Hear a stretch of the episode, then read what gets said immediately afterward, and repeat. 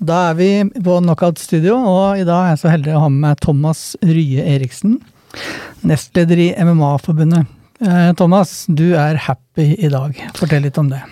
Først og fremst takk for at jeg eh, fikk komme på denne podkasten. Og så er jeg jo naturlig nok eh, veldig glad i dag. Det har jo vært en Eller var vel teknisk sett i går, hvor vi fikk overbrakt nyheten om at MMA og thaiboksing nå er inkluderte idretter i Norges idrettsforbund. Og det er klart at det er en det er en viktig symbolsk og, og for så vidt praktisk også seier enn det som har vært en lang prosess. Ja, du er nestleder i MMA-forbundet, og du har eh, jobba ganske lenge med denne prosessen her, sammen med resten av gjengen i, i MMA-Norge. Ja, det, jeg kan jo ta litt historien. Det begynte med at for en tid tilbake så var det jo et ønske, eller gjennom flere år egentlig vært et ønske om å organisere idretten. For MMA i Norge har jo vært ganske spredt, uten noe tydelig organisering eller, eller måte til å stå samla på, eh, når vi da prater om å, å kunne ta idretten inn, i, inn, til neste nivå. Så var det Henning Svendsen og, og, Emil Mek, faktisk, og Thomas Rønning Formoe som uh, satte seg ned sammen og fant ut at de ønska å, å gjøre sitt bidrag for å organisere idretten. Så fikk de også med seg Tarjei Mørkve, som du eh, Jeg tror du kjenner litt.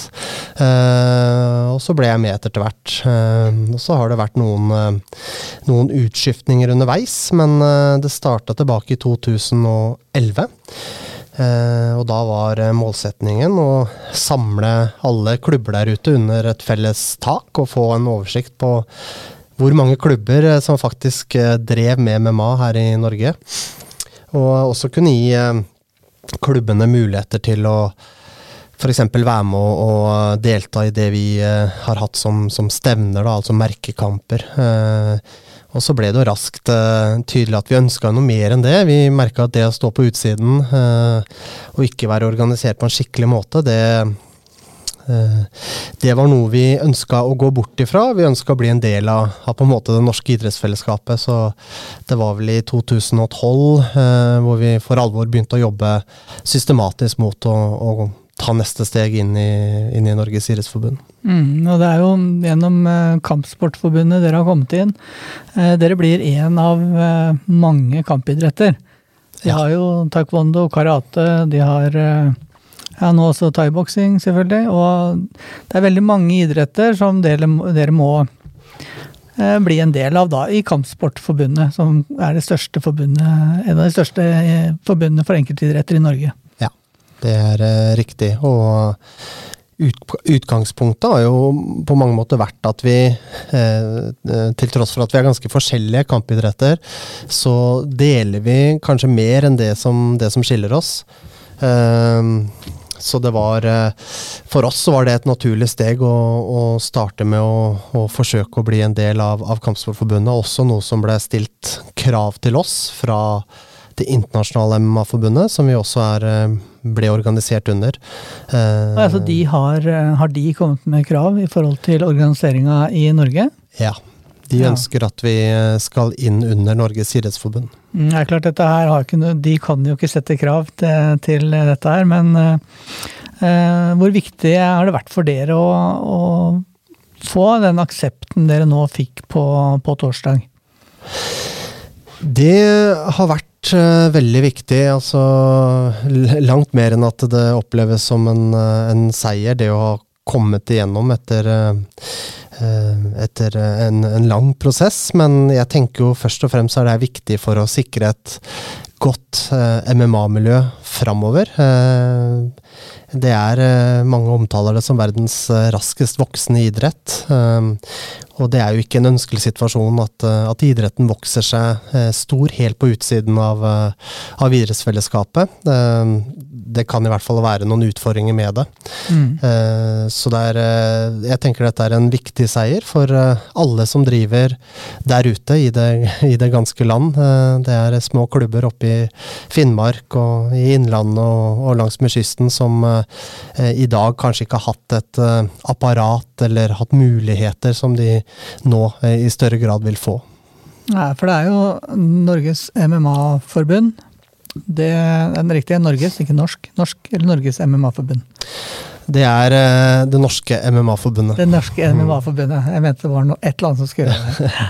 Eh, Det har jo fungert eh, noen år, og dere har organisert merkekamper, som da er eh, kamper med veldig lite kontakt.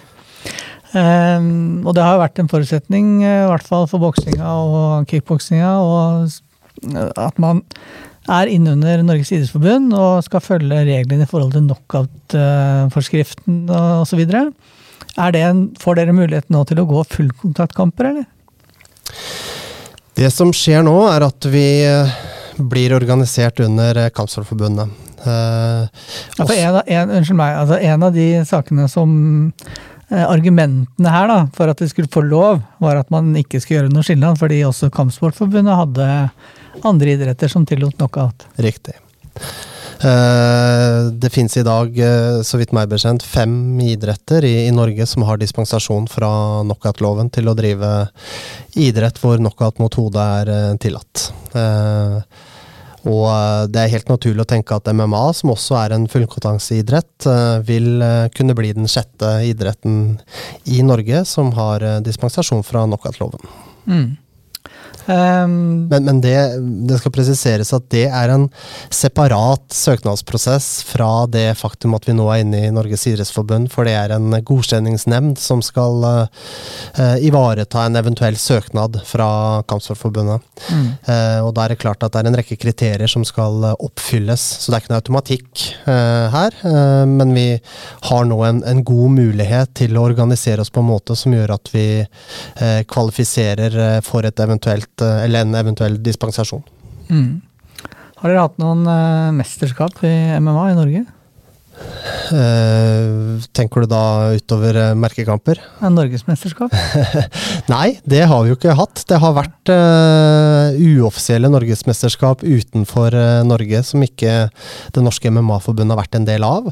Ja. Uh, men nå vil vi jo kanskje da i, i framtiden ha muligheten til å arrangere egne fullgode offisielle norske mesterskap. Det er veldig spennende tid framover. Eh, nå har vi jo Jack Hermansson kommer jo fra en, eh, en fantastisk helg i, i Philadelphia eh, forrige helg. Ja. Eh, hvor han choka seg inn på verdensrankingen på tiendeplass i UFC. Eh, bare sånn at det er klart. UFC det ser vi ikke i Spektrum med det første, selv om MMA er blitt lovlig i Norge. Eller MMA er blitt uh, lovlig, har det vært, men at det har blitt organisert under uh, Idrettsforbundet.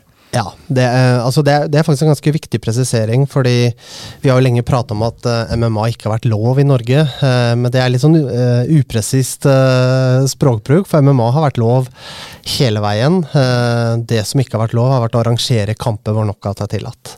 Eh, og at eh, UFC eventuelt kommer til Norge. Det har på en måte ikke vært på agendaen eh, her nå. Det er en del av UFC er jo en stor kommersiell aktør eh, som eh, ikke er eh, en del av, av amatøridretten som nå har blitt organisert under, eh, under eh, Norges idrettsforbund. Nei.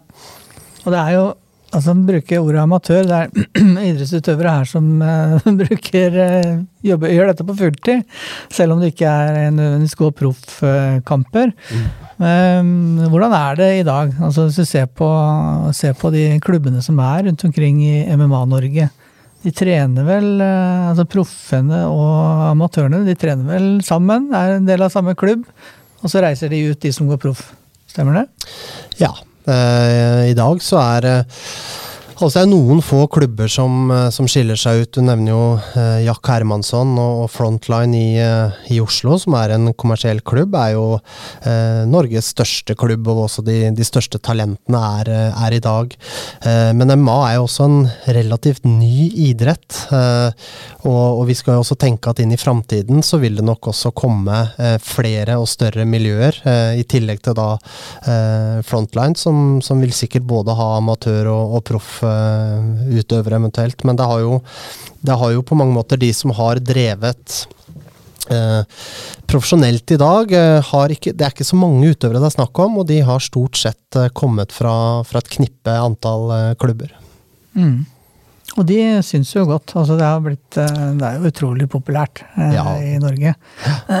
Se jo Hvis man da kan tenke på det som går på TV nå, da. Da er det Mm. blitt en veldig fokus på, på UFC. Ja. Proffboksinga f.eks. har blitt satt litt til side. Mm. Eller nå har det blitt, det blitt proffboksing i, i Norge også, men uh, UFC har vært uh, veldig populært. Uh, hvor mange er dere nå i eh, Altså Har dere noen offisielle tall i Norges, det norske MMA-forbundet? Skulle jeg sikkert uh, gi deg et eh, forberedt svar her på nøyaktig hvor mange vi, vi er. Eh, Det har jeg dessverre ikke, men vi er uh, eh, over 6000 medlemmer i det norske MMA-forbundet i dag. Det er veldig spennende. Det er, uh, så vidt meg bekjent, større enn både kickboksing og boksing. Eh, Selv om tallene ikke er offisielle. Så Ja. det skal jo si at eh, når dere kommer inn i Idrettsforbundet nå, så skal dere gjennom det som heter idrettsregistreringa. Riktig. Da skal alle medlemmene meldes inn, og alle tallene skal på plass. Og vi er jo Det blir litt spennende å se nå, da, fordi eh, Men uansett, det er veldig mange. Altså det er Ja veldig populær idrett. Det er en stor idrett, og det er mange flere som trener. Og, og man kan jo kanskje si at både kickboksing og boksing har hatt eh, større tradisjon for, eh, for barneidretten. Eh, den er jo foreløpig ganske liten når det kommer til, til MMA, så vi har jo eh, Også våre utøvere er jo primært voksne mennesker. Eh, og vi kan jo også anta at når man organiserer MMA også mer eh, som en eh, barneidrett, at vi kanskje eh, også er en, en del større enn det. Mm. Det er litt spennende, fordi jeg personlig da, jeg har starta kickboksingklubb. Eh, og jobba litt eh, lokalt med det for å få folk til å skjønne at dette er faktisk veldig gøy for ungene også. Ja. Eh, så jeg starta bokseklubb, og det har faktisk vært litt vanskeligere, fordi foreldrene har drevet og sett på proffboksing, Ja. som er totalt, egentlig veldig totalt forskjellig fra eh, Aiba-boksing, eller amatørboksing som det er mer kjent som. Ja. Eh, hvordan tenker dere det, altså når dere ser på UFC? Se blodet, se gørra og kveling og Mm. Ja, de slår hverandre mens de ligger nede og Det er jo en, det er en ny idrett, og det er ikke noe tradisjonelt eh, Det er ikke mange som har noe forhold til det, av de som er kanskje foreldre, eller i hvert fall besteforeldre nå, da. Nei. Hvordan tenker dere å fronte MMA fremover? Og, altså, UFC er jo det, det er jo det som kalles sports entertainment. Altså eh, Det er litt vanskelig å si hvor i grenseskillet hva som er sport, og hva som er eh, underholdning, entertainment. Eh, MMA i seg selv er jo primært en idrett. Eh, organiseres som en idrett, og vil nok også få et, et kjennemerke i Norge som en mer rendyrket idrett, slik som man ser fra boksingen og, og kickboksingen. Eh, Så man må jo skille litt de to, og det vil jo ikke være Idretten i seg selv har jo ikke noe kommersiell profil. Det er jo disse store organisasjonene som, eh, som lager det. Og, og hva barna angår, så er det, er det klart at eh, barneidretten vil jo se ganske vesentlig annerledes ut enn enn hva du ser i UFC. Det vil jo være lek og moro og eh, kroppskontroll og turn. Og, altså det, det vil jo være relativt annerledes. Ja, for det er jo det det dreier seg om. Det er å ha det gøy på trening. Ja. eh, Og utvikle seg fysisk og mentalt. Og det er veldig mye fordeler for barn å drive med kampsport. Mange altså fordeler. Starte i tidlig alder, da. Ja. Um, men det er jo ikke Det er ikke bare foreldre som kan lure. Vi hadde jo eh, Tom Tvedt, eh, idrettspresidenten, var jo sterkt imot eh, at MMA skulle inn. Ja. Prinsipielt fordi han mener at, eh, at eh, når man skal For å vinne en kamp, at målet skal være å slå noen i hodet. Mm. At det skal være et av de viktigste målene med idretten. Mm.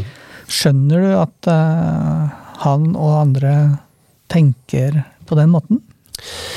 Altså jeg, kan jeg, har, jeg har veldig forståelse for det at man syns det er kontroversielt uh, å drive en idrett hvor, uh, hvor det å slå noen an, andre i hodet er, uh, er en av, av verktøyene man bruker. Det er klart at det er jo, det er jo noen kontroverser knytta til det å bli slått eller slå mot, mot hodet på en annen. Hjernen er et sårbart organ vi skal ta godt vare på.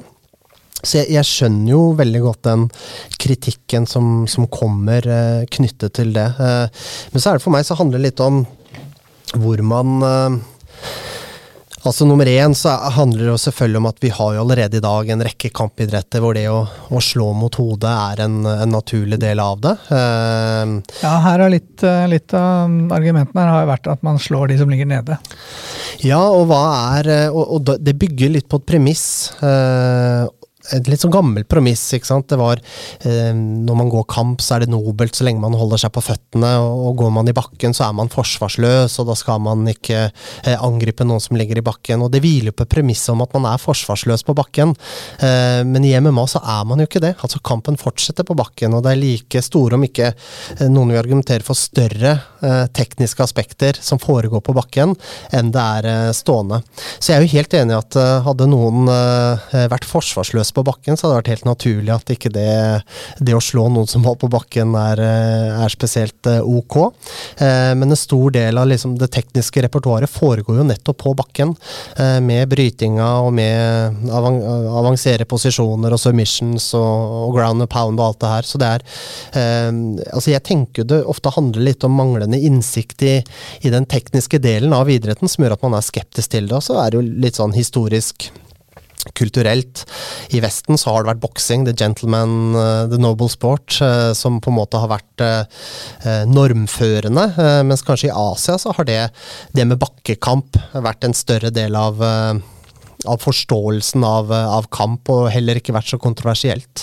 Så jeg tenker det er kulturelt betinga, og det handler om at man, at man hviler på premisset om at man er forsvarsløs på bakken. Det var vel en av de som virkelig fikk eh Eh, MMA igjennom. Det var vel eh, Da er ikke jeg noen veldig ekspert på MMA, men eh, var det Gracie han het? Ja. Han var vel en brasiliansk jiu-jitsu-ekspert. Han ville ha dem ned på bakken. Ja, det var jo Hoyce Gracie som var den første i hvert fall viden kjente Gracien. De hadde jo holdt på i, i Brasil i, i, mange mange år. Eh, men hans eldre bror Horian tok jo der over til USA og, og arrangerte første, den første UFC-turneringen hvor eh, Hoyce Gracie var den utøveren som demonstrerte hva, hva bakkekamp var. Ja, for han eh, var vel eh, regjerende ganske lenge, var det ikke det? Jo, de eh, Altså, han det, gikk de fire Det tilførte noe helt nytt, da. Til ja, og det var jo kampidretten. Altså jeg vil jo si at dette kanskje har vært det største kultursjokket som noen gang har, har skjedd i, i, kampsportens moderne historie. Eh, det at man lenge, eh, og spesielt gjennom denne tida som kom på, på 60- og 70-tallet med karate og kung fu, og, og også storhetstiden til boksingen ikke sant? og kickboksingen med, med Benny the Jet og osv., hvor all kamp foregikk stående. Så det prega jo noe av, av bildet til, til mennesket, var jo det at eh, kamp mellom to kvinner eller menn, den foregikk stående. Og man mm. diskuterte hvem ville vinne Mohammed Ali og Bruce Lee, og, men, men, til felles var jo alle disse utøverne her stående utøvere.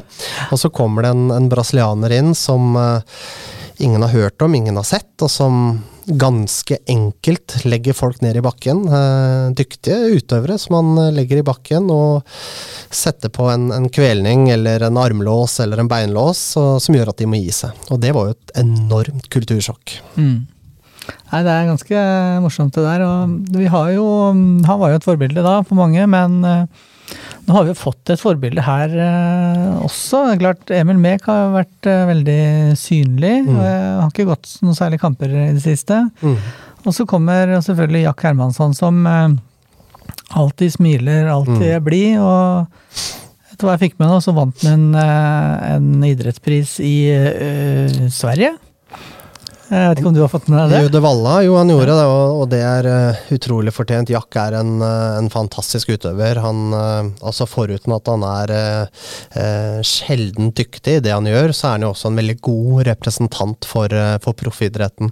Han er sympatisk, han er smart, han ordlegger seg bra. Han har gode verdier, og er jo på mange måter en god posterboy for, for den profesjonelle delen av, av idretten.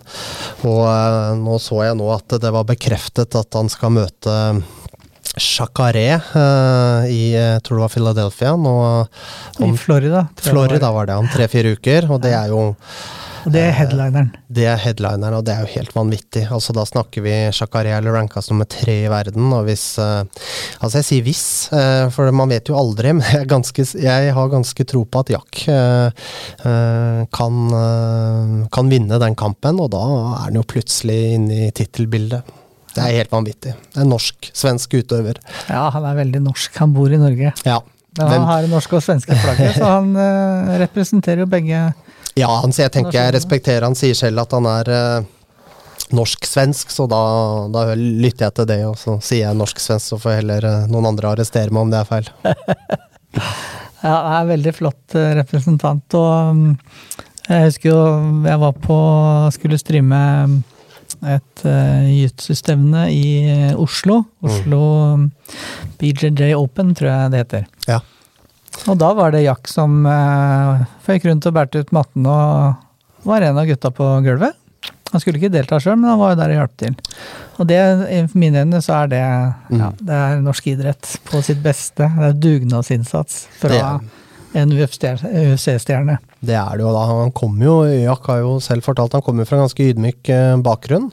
Eh, med en, eh, en, tøff oppvekst hvor ikke han nødvendigvis var så økonomisk be bevilget. Eh, og det er klart at han, eh, han kommer inn med mange av de gode verdiene. Og det å eh, altså, jobbe hardt, stå på, være ydmyk, ha respekt. Altså mange av disse verdiene som vi setter så pris på i, i kampsport generelt, mm. de bærer han tydelig med seg i alt det han sier og gjør. Så en flott utøver.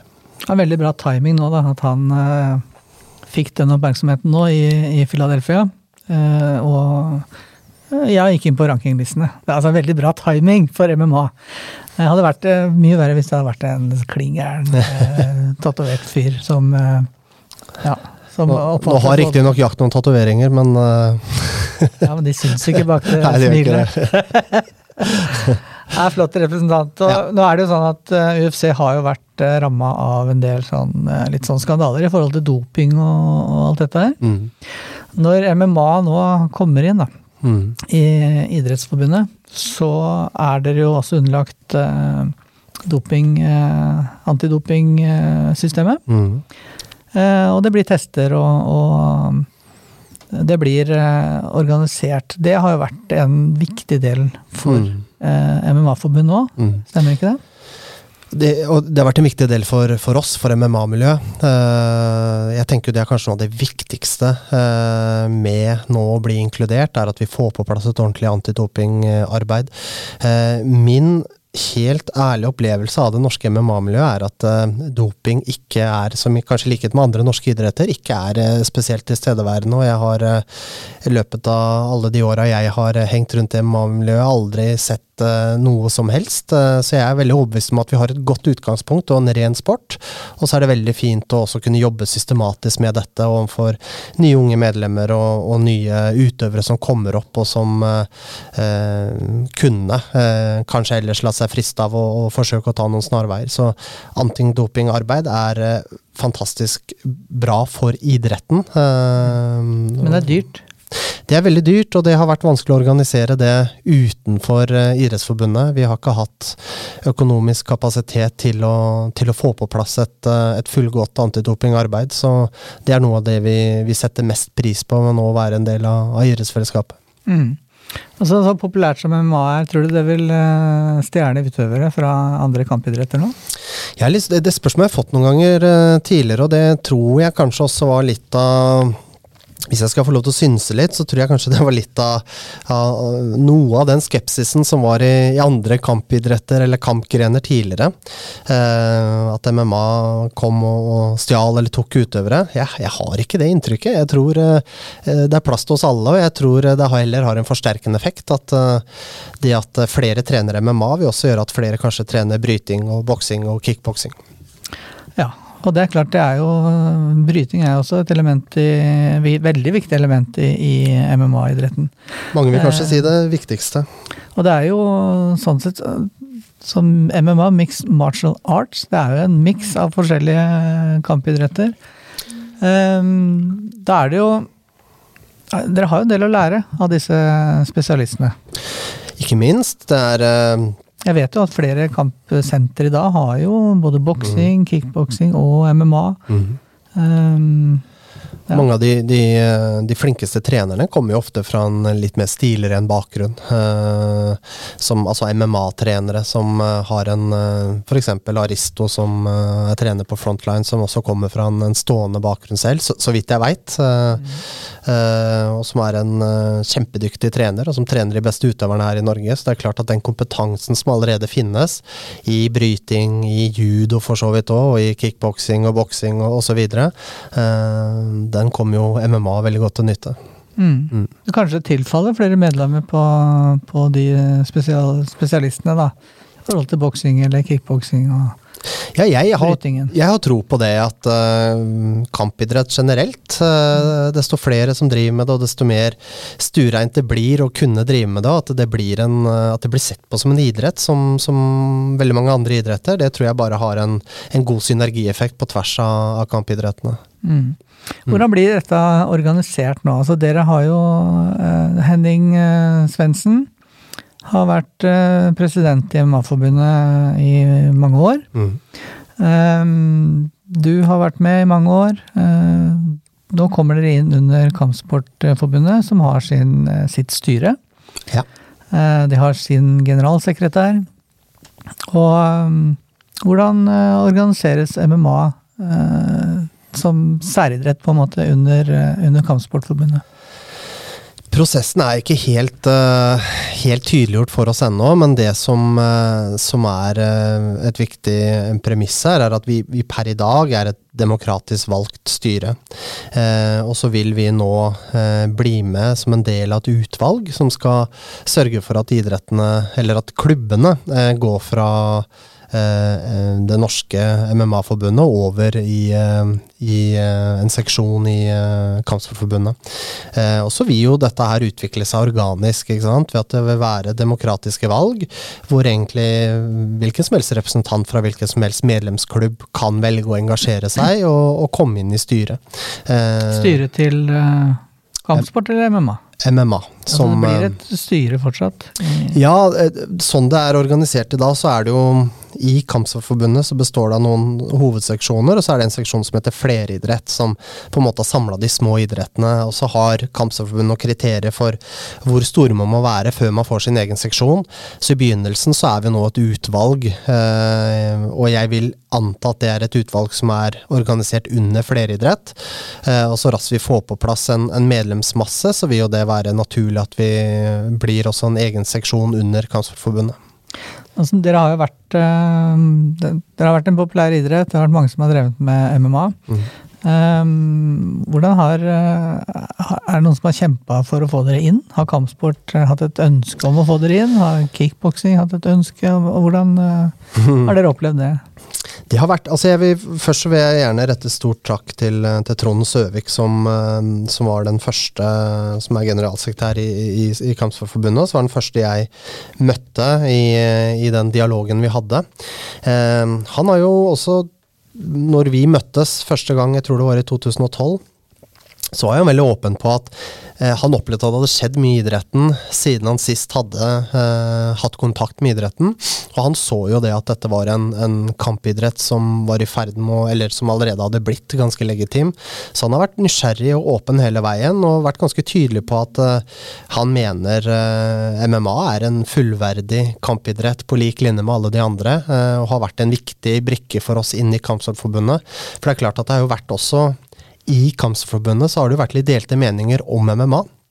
Det er jo uh, vidt forskjellige stilarter som er representert der, og man kan jo tenke seg at kanskje ytterpunktene på den ene siden aikido og på den andre siden MMA, så er det uh, ganske store forskjeller, og det har kanskje vært litt skepsis. Uh, jeg har selv vært i vært i styremøtene der, ble invitert med inn i, forbindelse med Jeg tror det var en Eh, det var et eh, ja, Jeg tror det var et styremøte hvor jeg møtte alle representantene for de ulike seksjonene.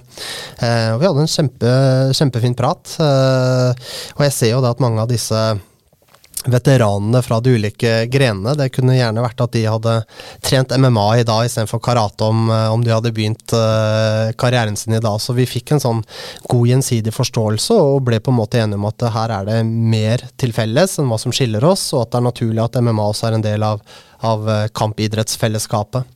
Eh, men det har, det har, tatt tid å skulle modne, og kanskje ikke så mye inn i Kampsportforbundet, men kanskje mer inn mot NIF, som, eh, som, har vært mer uttalt skeptiske, også ute i mediene. Så mm. der har det vært en, en, prosess, og der har Trond Søvik og, og, og Mari uh, Hofsøy Pettersen, er det hun heter? Nå sto det helt stille for meg. Hun har uh, også vært en uh, som selv er uh, MMA-utøver, har vært en kjemperessurs i å, å, å bistå mm. MMA-miljøet til å, å, få en stemme inn mot NIF. Mm. du har jo også vært en synlig representant for MMA i Norge. Altså amatørdelen, da, spesielt. som dommer og, og så videre. Men uh, du er den som kanskje har uttalt deg Vært mest synlig i media, i hvert fall så vidt jeg har fått med meg. Uh, hvilken, hvilken, bakgrunn har du i forhold til uh, den rollen du har nå, da? Nei, jeg en eh, Jeg har ikke så veldig spennende bakgrunn å prate om, jeg. Men jeg har jo drevet med kampsport i, siden jeg var, var ti år gammel. Begynte med, med karate, og så har det vært uh, eh, MMA og submission wrestling og kickboksing og andre grener opp igjennom. Men uh, mitt engasjement har jo først og fremst vært uh, at jeg synes dette er en veldig spennende idrett, og at jeg også kan være med å, å definere At ikke det bare er topputøverne som er med å definere hvordan idretten er, men at det er større, en større bredde i det. Og det er godt voksne folk som trener her, det er kvinner, det er menn, det er også barn eh, etter hvert. Det er eh, mennesker med funksjonsnedsettinger, og at det er en, en breddeidrett som kan inkludere en større eh, del av befolkningen hva kanskje mange skulle tro. Så min stemme har kanskje vært tatt utgangspunkt i, i, i den bredden som finnes. Mm. Mm. Du har gjort en veldig god jobb, det må jeg si. I hvert fall altså, sammen med de andre, selvfølgelig. Um, og du representerer jo sporten på en veldig fornuftig måte, syns jeg. Og det er veldig viktig med disse idrettene. For det er jo vanskelig å forklare for utenforstående hva ja, faen er det vi egentlig driver med. Mm. Ikke sant? Mm. Um, du har vært inne på det her, og du snakker også om barneidretten og skal jobbe videre med det. Mm. Um, hvis du ser litt sånn nå fremover, om, om et år jeg veit at dette her er veldig ferskt eh, og nytt enda, men prosessen har jo vært lang. Mm. Eh, hvordan ser du norsk MMA om ett år, om to år? Altså Mitt ønske for norsk MMA er at det blir en, eh, en idrett som kan Altså at om du bor i Oslo, eller om du bor i Finnmark, eller om du bor på Sørlandet, så skal det være muligheter å kunne drive med det og organisere det. Det skal være mulighet til å både kunne starte klubber og, og, og være en del av en lokal idrettskrets og kunne få ha et støtteapparat i ryggen. Eh, alt hva Altså du sier jo selv at det er jo en idrett som, som mange kanskje ser på med litt, et litt skeivt blikk, og da er det kanskje ekstra viktig å være påpasselig med at man har på plass gode skadeforebyggende tiltak, og at det er et, eh, et antidopingarbeid på plass, og, og, det at det oppleves som en trygg, inkluderende idrett. Ehm, så jeg håper at vi om et år eller to eh, både er i gang med å kunne arrangere norgesmesterskap, at vi har også fått på plass et eh, amatørregelverk, men at vi også beholder den delen av idretten som, som ikke er for de uh, utøverne som er der i toppen, men som kan ivareta også den store bredden. Så det er det, det er det jeg både ser for meg og naturlig nok håper på. Da konkluderer vi med at uh, norsk MMA er i vinden. Uh, og norsk MMA er en del av uh, Norges idrettsforbund. Hurra for det. Og kanskje vi får se noen MMA-kamper på knockout.no etter hvert, hvis vi er så heldige å få lov å besøke noen av stevnene deres. tusen takk for praten, Thomas Rye Eriksen. Selv takk.